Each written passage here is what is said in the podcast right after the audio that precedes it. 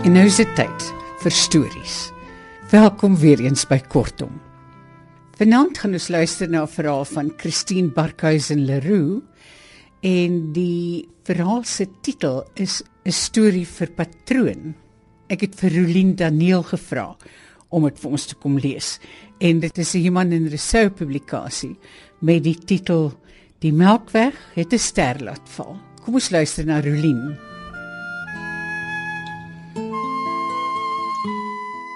Die bakkie ruk tot stilstand, amper bo op die spoor. Met my kop in my hande sit ek 'n tyd lank so. Gister se haal in die bas af perskebome en die troebel wil maar kan nie vergeet van 'n laatmiddag vir 'n oomblik vervang deur die dondering van trok op trok wat voor my verbyrammel. Nog skade, nog geld, nog 'n verhaal om hoed in die hand by die rondreisende rekenmeester op 'n klein dorpie mee aan te kom. Plastieksakke en geroeste geduikte blikke lê rondom die rooi lig wat nie werk nie. Groen en bruin bottelstukke langs die treinoorgang en tussen die spore blits in my oë. Ek moet uitklim. Kyk of die trein regtig die buffer geskraap het. Maar vir eers lê my bene lam op die sitplek. En met eens is dit terug. Na al die jare en jare.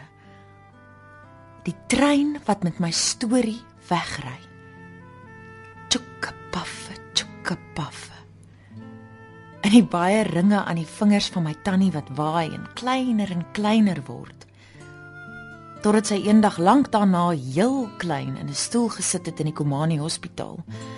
Of ten minste, ek het gedink dat dit 'n hospitaal was. Die groot wit gebou wat tussen die palmbome gestaan het. Ons het vir haar piesangs en ouras geneem. En nartjies van ons eie bome op 'n stukkie erfgrond wat pappa na so baie lank kon terugkoop. Hy het sy hoed op die kassie neergesit en met haar probeer praat.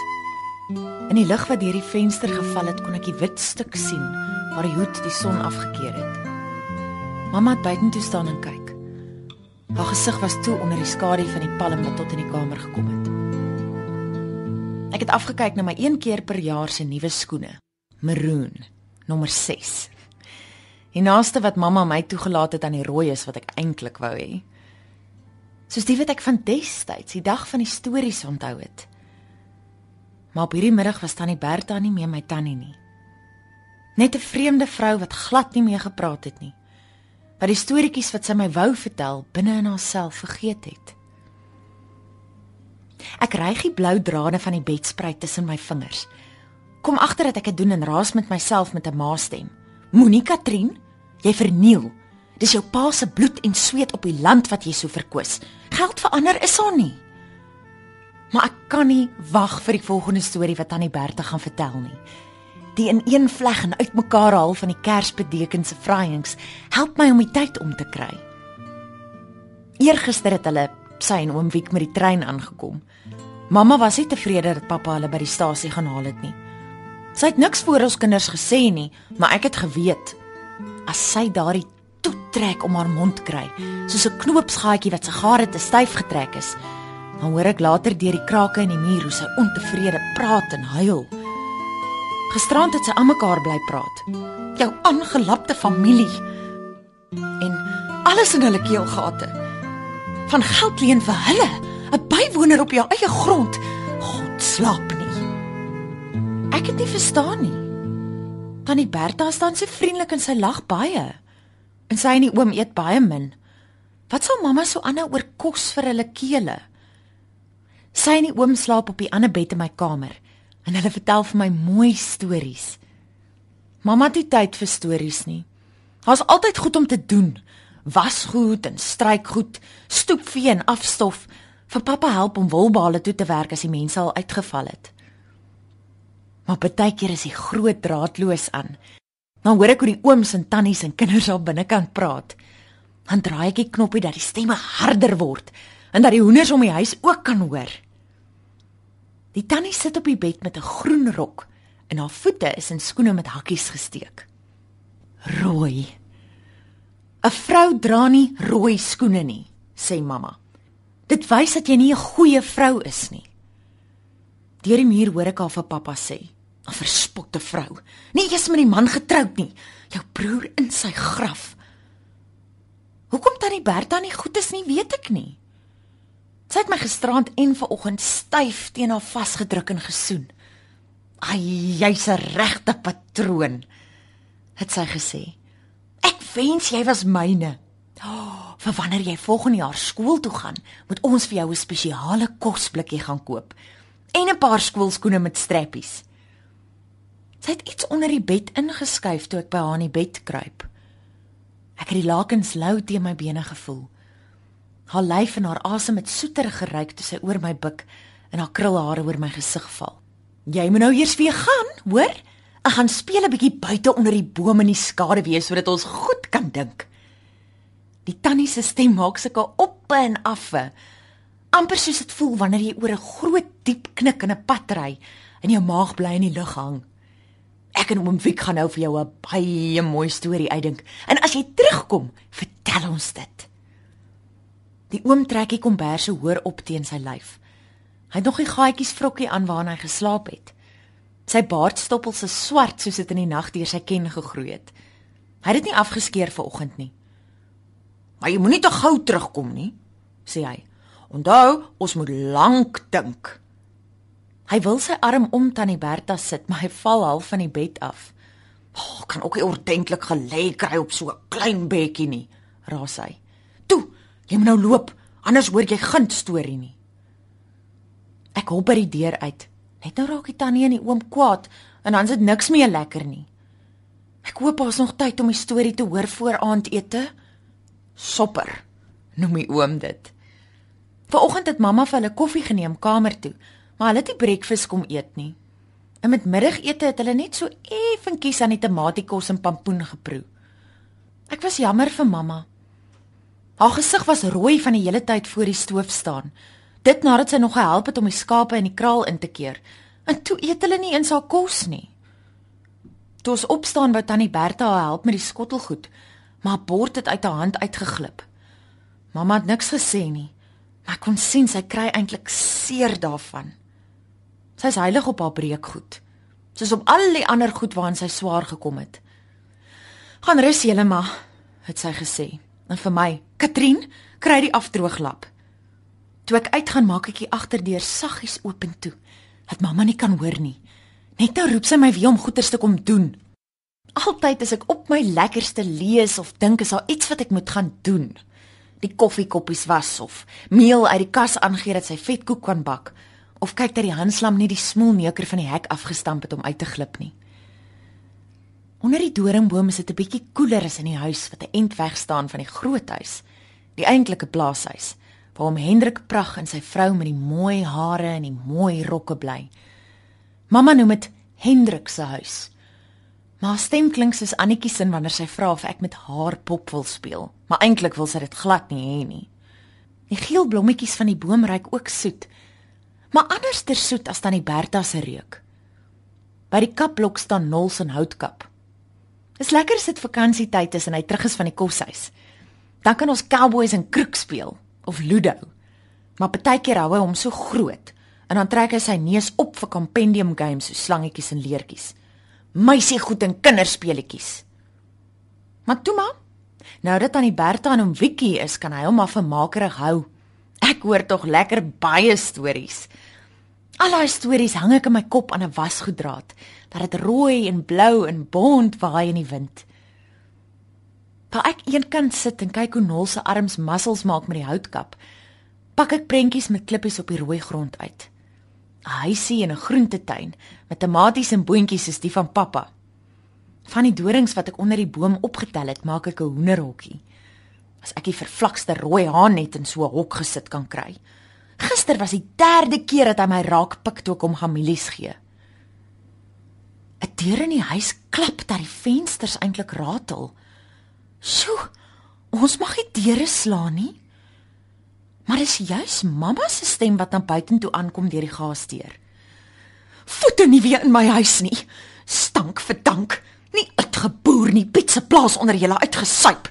Net vanaand nog as Japie van die land af kom. Nie 'n dag langer onder my dak. Ek bly buitekant so lank as wat ek kan. Wat binnekant aangaan, weet ek nie, maar ek gaan nie by mamma verbyloop om by tannie Bertha en oom Wiek te kom nie. Al wil ek nog hoor wat hulle uitgedink het. En God slaap nie. Daarvoor is ek die bangste. Maar dit neem nie lank nie, toe hoor ek haar stem. Katrien? Katrina kom dadelik hier. As mamma se stem so hoog en dun raak, wil ek net weghardloop. Maar as ek wegbly, is daar nog groter moeilikheid. By die sif deur trek sy my aan my arm binne toe, totdat ek die warmte van die koelstoof agter my rug voel. Wat het Tannie Bertha vir jou gesê? Wat het hulle daar in die kamer? En vir wat sit jy daar buite in die warmte as ek dink jy's by hulle? Mamma se stem is kwaai, maar dit het ook iets wat soos 'n huil klink daarin. Ek weet nie wat dit is waaroor sy so kwaad is nie. Wat dit is wat sy wil hê ek moet sê nie. Tannie Bertha en die oom vertel vir my storieetjies, mamma, sê ek. Ek weet daar kan niks meer verkeerd wees nie. Mamma weet dan tog dat pappa ook vir my stories vertel party aande as hy my in die bed sit. Al is hy partykeer so rooi gebrand en vaak, dat ek die storie eintlik vir hom moet voorsê. Maar toe sy sien ek mik in die rigting van hulle kamer, laat sy my by die houtkus langs die stoof in die kombuis sit. Jy bly daar tot jou pa kom. Toe pappa sy voete by die deur insit, spring ek op. Ek wil vir hom sê ek het regtig niks gedoen nie. Maar mamma spring my voor. Nee, Japie. Nou luister jy na my. Hulle sien nie dat ek die deur oopdruk en uitglip nie. Ek kan nie, wil nie daai stemme hoor nie. Maar oor die hele werf hoor ek stukke wat die wind na my ore toe aandra. Toe liggaam, hande deurwerk vir jou. Suiplappe hou ek my nie op nie. Ek hoor hoe pappa se stem saggies praat, amper soos 'n saag wat heen en weer deur die hout beweeg. Nie hard en kwaai nie, maar aanhoudend. Toe word dit stil. Die haan probeer my van agter af betrek, maar ek sien hom en gooi hom met 'n klip wat hy spaander. Ek kry lekker. Jy wil mos. Dit word al donker en ek weet ek sal moet ingaan as ek nie nog vanaand onder die vaddoek of die houtlepel wil deurloop nie. Maar toe gaan die agterdeur oop en pappa kom uit. Hy het twee koffers in sy hande en 'n sak wat oor sy arm hang. Agter hom kom tannie Bertha en oom Wiek ook op die stoep uit. Sy het nog dieselfde skoene aan. Haar rok is nou baie verkrekel. Haar voete swik en pappa gryp haar arm om te keer dat sy val. Haar gesig lyk net soos die rok, die mekaar. En rooi, soos die skoene. Hulle loop na die waanhuis toe. Om wie het 'n hemp aan waarvan die knope oop is tot amper op sy maag. Hy loop agter tannie Bertha en kyk weer om na die agterdeur.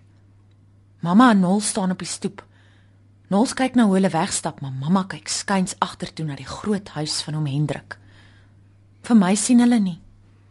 Ek hardloop agter die wasgoeddraad om en glip by die sydeurtjie van die waanhuis in. "Kan ek saamgaan, pappa?" Het die koffers klaar in die kattebak gesit. Maar dit lyk of hy nog altyd swaar goed aan sy arms hang. Kom maar, Katrientjie. Hy laat my langs tannie Bertha en oom Wiek in die voetjie inklim en roep oor die werf na mamma dat ek saamry. By die stasie hou hy stil. Hy en tannie Bertha en oom Wiek loop na die kaartjieskantoor. Hy praat nie met hulle nie en hulle praat ook nie. Die oom het sy arm om die tannie se lyf en loop so met haar totdat die trein kom en hulle moet inklim. Ek wil vir haar iets sê. Vra na die storieetjie. Ek het gedoen wat sy gesê het. Ek het gewag. Ek wil sê dat ek niks van mamma gesê het nie, dat ek nie weet hoekom mamma so kwaad is nie. Dat sy eendag weer moet terugkom en die storie onthou. Ek sal nog altyd bly wag.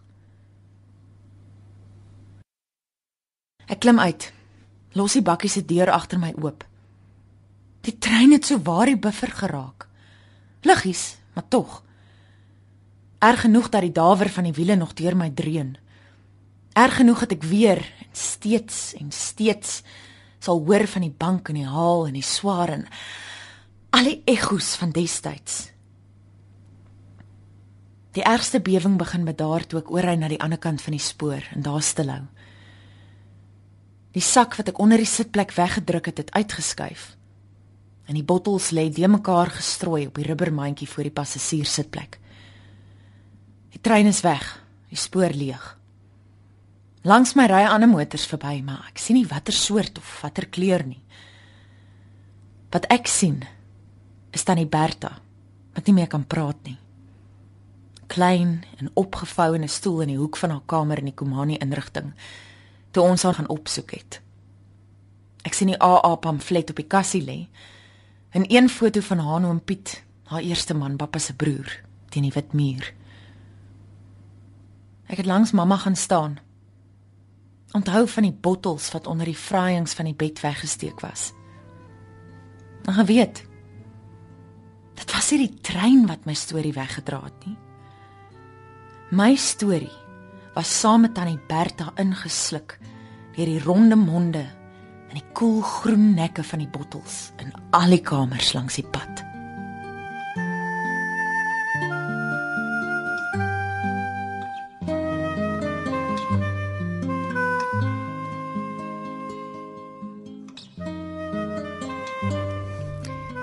Rulien Daniel het vir ons 'n storie vir patroon gelees van Christine Barkhuizen Leroux en dit het voorgekom in 'n bundel met die titel Die Melkweg het 'n ster laat val is 'n bundel vol kortverhale, plaasverhale wat saamgestel is deur Riana Skeepers en Nikki Tabo en dit is 'n Human en Resou publikasie. Van my Margolite alles van die aller aller allerbeste. Tot volgende keer. Mag dit met ons almal goed gaan. Totsiens.